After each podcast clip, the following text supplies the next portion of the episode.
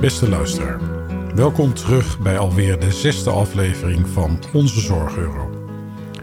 In de vorige aflevering heb ik het met u al gehad over de nieuwkomer Iptic, die in onze zorgmarkt met het merk Promovendum zorgverzekeringen verkocht aan studenten en hoogopgeleiden.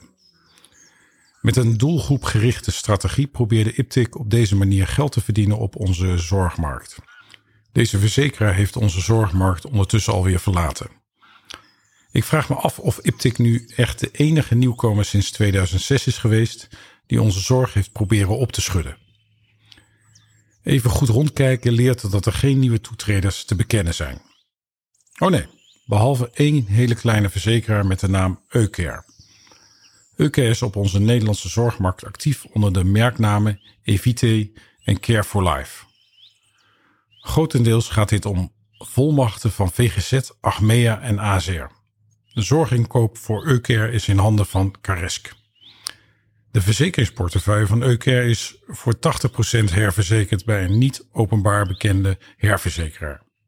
Na wat studie naar de Eucare-organisatie blijkt deze gevestigd te zijn op Malta. Eucare stelt zich tot doel om in Europa tot een grote zorgverzekeraar of verzekeraar uit te groeien. Ondertussen is Eucare vooral eigenlijk alleen actief in Nederland met de genoemde zorgverzekeringen Evite en Care for Life.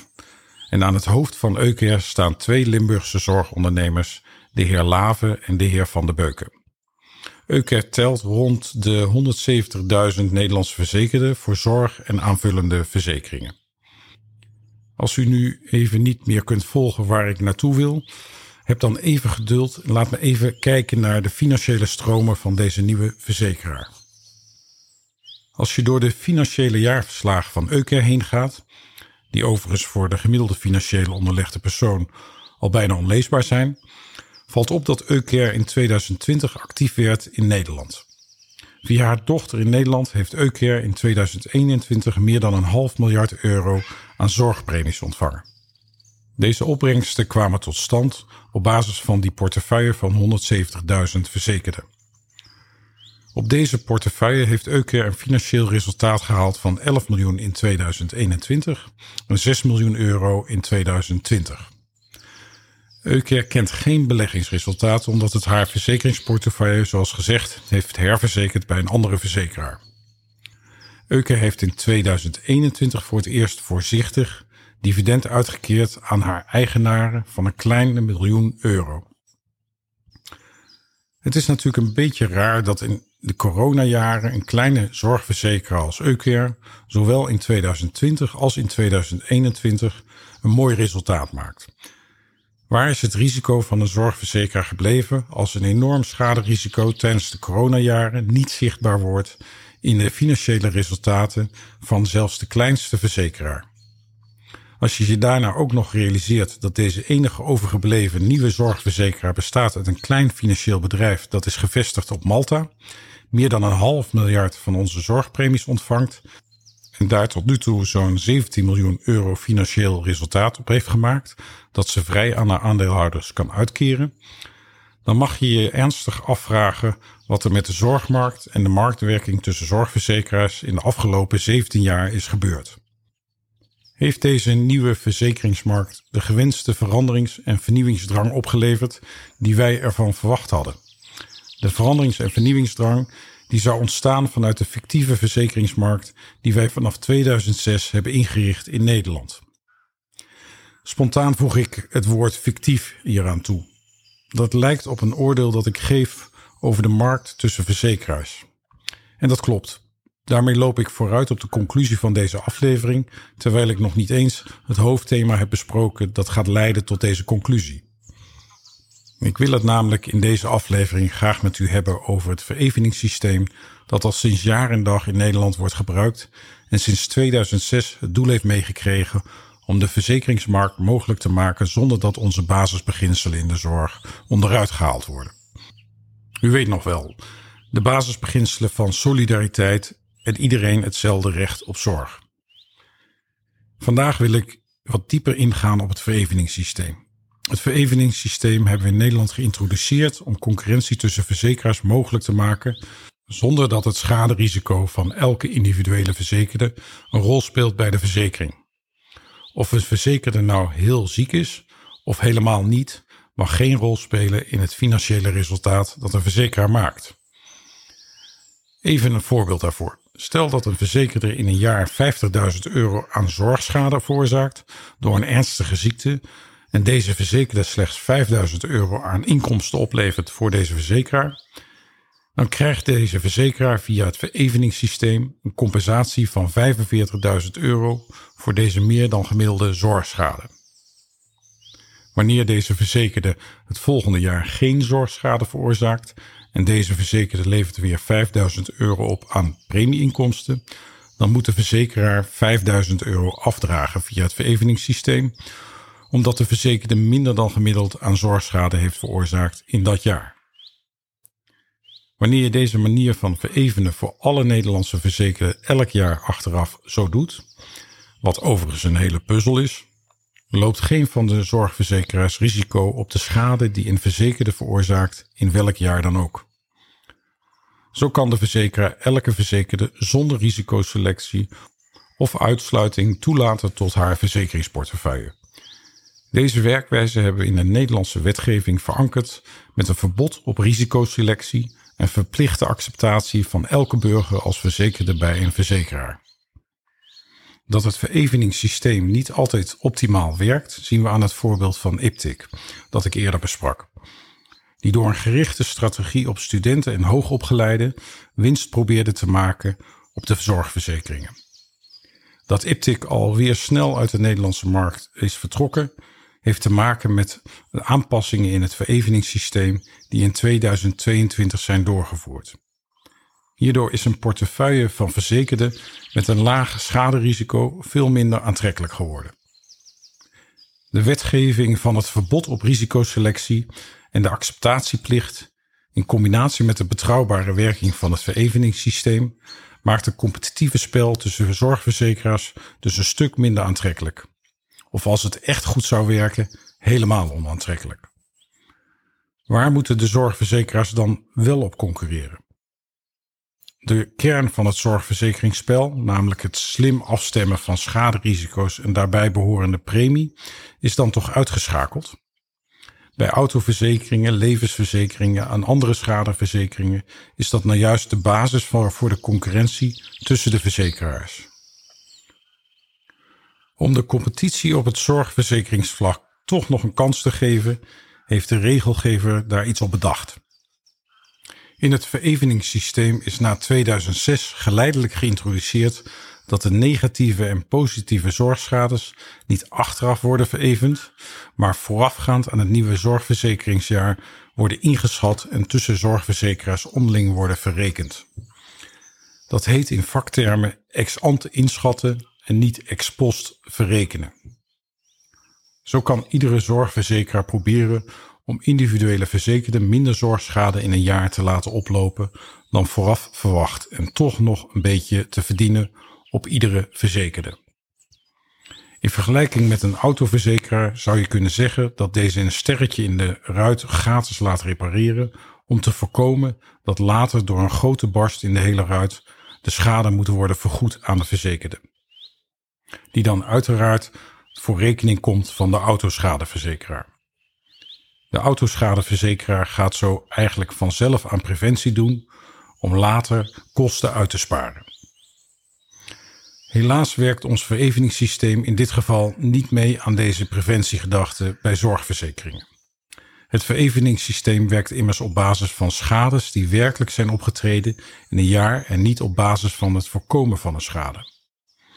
Investeringen in preventie komen dus wel voor rekening van de individuele zorgverzekeraar, maar de positieve financiële effecten van deze preventie in latere jaren worden via het vereveningssysteem verspreid over alle verzekeraars. Het investeren in preventie levert de zorgverzekeraar dus niets op en de verzekeraar wordt er eigenlijk armer van. We zien daarom dat verzekeraars alleen inzetten op preventie waar zij zelf niet voor hoeven te investeren of op preventietrajecten die vooraf al worden betaald uit algemene middelen die de regelgever via regelgeving beschikbaar stelt. De overheid stelt deze middelen beschikbaar via allerlei fondsen of via bijzondere declaratietitels die in de methodiek van het vereveningssysteem worden opgenomen en waarvan de kosten over alle verzekeraars worden gladgestreken. Concurreren op innovatie en verandering op het vlak van preventie wordt zo vakkundig via het vereveningssysteem uit ons marktwerkingsmodel geëlimineerd. Als het stimuleren van investeren in preventie dan niet de reden kan zijn voor marktwerking, dan blijft er eigenlijk alleen nog maar het inkopen van zorg over. De concurrentie bij het inkopen van prestaties, oftewel behandelingen, kan dan nog een positieve uitkomst zijn van de marktwerking tussen verzekeraars. Maar zoals we al bij een eerdere aflevering, de vorige aflevering, hebben gehoord, is daar na een aantal jaren marktwerking grotendeels van afgestapt. Gezien de enorme ingewikkelde en lange contracteercyclus die dit opleverde bij zorgverzekeraars en zorgaanbieders. Nu gaan we weer terug naar ons vereveningssysteem. Ons vereveningssysteem moest, zoals gezegd, de marktwerking tussen verzekeraars mogelijk blijven maken met de restricties die er wettelijk bestaan van solidariteit en recht op zorg. Door deze opzet en dit doel is ons vereveningssysteem de motor die vernieuwing en verandering wel of niet mogelijk maakt. En deze motor wil nog wel eens afslaan en is bij het minste geringste ontregeld. Alle prikkels voor vernieuwing en verandering moeten eerst in regels financieel worden opgenomen in het vereveningsmodel, voordat een verzekeraar hier echt werk van gaat maken. Het nadeel is dat dan ook meteen alle verzekeraars gebruik kunnen maken van deze regels en het hek van de dam is voor wat betreft de uitgaven aan vernieuwing en verandering. Dit is bijvoorbeeld gebeurd bij de preventieve ketenzorgprogramma's bij huisartsen. Nadat deze preventieve programma's als declaratietitel waren opgenomen in het vereveningssysteem, zijn deze programma's de jaren na overal uitgerold. Of dit nu uit het oogpunt van vernieuwing en verandering was ingegeven of vanuit financiële compensaties die beschikbaar waren, is nooit echt duidelijk geworden. De preventieve ketenzorgprogramma's kenden in ieder geval geen goede resultaatcriteria die vooraf waren vastgesteld om te zien of we achteraf wel lagere kosten in de jaren daarna hadden bereikt. Oftewel, of de preventieve opzet van deze programma's ook later geld opleverde. Laten we hier even een uitstapje maken naar andere landen. Kennen die ook zo'n complex vereveningsmodel? Andere landen kennen meestal wel een variant op ons vereveningsmodel, maar altijd een veel eenvoudiger variant van een dergelijk model. En meestal met het doel om vergoedingen voor de kosten van de zorg over het hele land eerlijk te verdelen. In sommige regio's worden immers door de bevolkingssamenstelling meer of minder kosten gemaakt dan in andere regio's. Daarvoor gebruiken instanties in het buitenland ook steeds vaker internationaal gestandaardiseerde vereveningsmodellen die veel minder onderhoud vragen. Fictieve marktwerking is daar meestal niet een doel dat een vereveningsmodel nastreeft. In Nederland kent ons vereveningssysteem echter dat cruciale extra doel, waardoor de complexiteit en de gevoeligheid van dat model bijzonder hoog is. Het vereveningssysteem in ons land moet de marktwerking tussen verzekeraars die wij in onze zorg van ouds herkennen, in stand houden en voorkomen dat de basisbeginselen van onze zorgstelsel worden aangetast. U weet wel, solidariteit en recht op zorg. Dat maakt het leven van de ontwikkelaars van het vereveningssysteem en de beheerder van het vereveningsfonds bepaald niet makkelijk. Er zijn dan ook nog maar heel weinig personen in Nederland die werkelijk diepgaand begrijpen hoe dit model in zijn haarvaten werkt. Ondertussen is het vereveningssysteem wel verreweg de belangrijkste basis waarop verzekeraars winst of verlies maken in een verzekeringsjaar. U kunt zich voorstellen dat de persoon die bij de verzorgverzekeraar het model het beste kent, een unieke positie inneemt. De beheerder van het Vereveningsfonds is het Zorginstituut Nederland. Die laat elk jaar door verschillende consultancyorganisaties dikke rapporten maken hoe de werking van het vereveningssysteem beter kan. De probleemstelling die het Zorginstituut aan deze consultancybureaus meegeeft, gaan eerst door de Tweede Kamer ter goedkeuring, voordat ze aan de slag kunnen. Dit besluitvormingstraject geeft aan hoe belangrijk de mogelijke uitkomsten van deze rapporten zijn. Ik twijfel eraan of de leden van de Tweede Kamer zowel de impact van de formulering van de probleemstelling als de uitkomsten kunnen inschatten. Lees een keer een dergelijk rapport en u zult begrijpen waarom ik dit zeg. Ondertussen kost het in stand houden van het vereveningssysteem en het hele commerciële en politieke proces eromheen natuurlijk heel veel geld. Daarover is helaas geen informatie beschikbaar. Maar als je je realiseert dat het systeem is ingericht tot in de diepste administratieve bronsystemen in de zorg, met declaratietitels die tot financiële verevening van meer dan 50 miljard per jaar leiden, en dan heb ik het alleen nog maar over de curatieve zorg, dan zou het toch vrij logisch zijn om dit model zo eenvoudig mogelijk te houden. Het belang van het doel van fictieve marktwerking tussen zorgverzekeraars is echter zo groot dat wij in Nederland volledig ons eigen vereveningssysteem hebben ontwikkeld dat vroeg of laat onhoudbaar blijkt te zijn. De grote urgentie van verandering in de zorg naar een preventieve aanpak zal leiden tot dermate veel complexiteit, vertraging en vereveningsfouten dat het systeem vanzelf uit zijn voegen barst. Niet omdat het niet goed is, maar omdat het met het doel van marktwerking veel te weinig ruimte biedt om innovatie en verandering die de zorg hard nodig heeft, snel te ondersteunen met de juiste financiële prikkels. Als u nog meer gedetailleerd wil weten hoe dit vereveningsmodel nu echt werkt, verwijs ik u graag naar de website onzezorgeuro.nl. Hier kunt u op hoofdlijnen vinden hoe het model met allerlei criteria elk jaar berekent hoe we per inwoner en verzekerde de premies en de schadelasten van iedere verzekerde onderling gladstrijken over alle verzekeraars.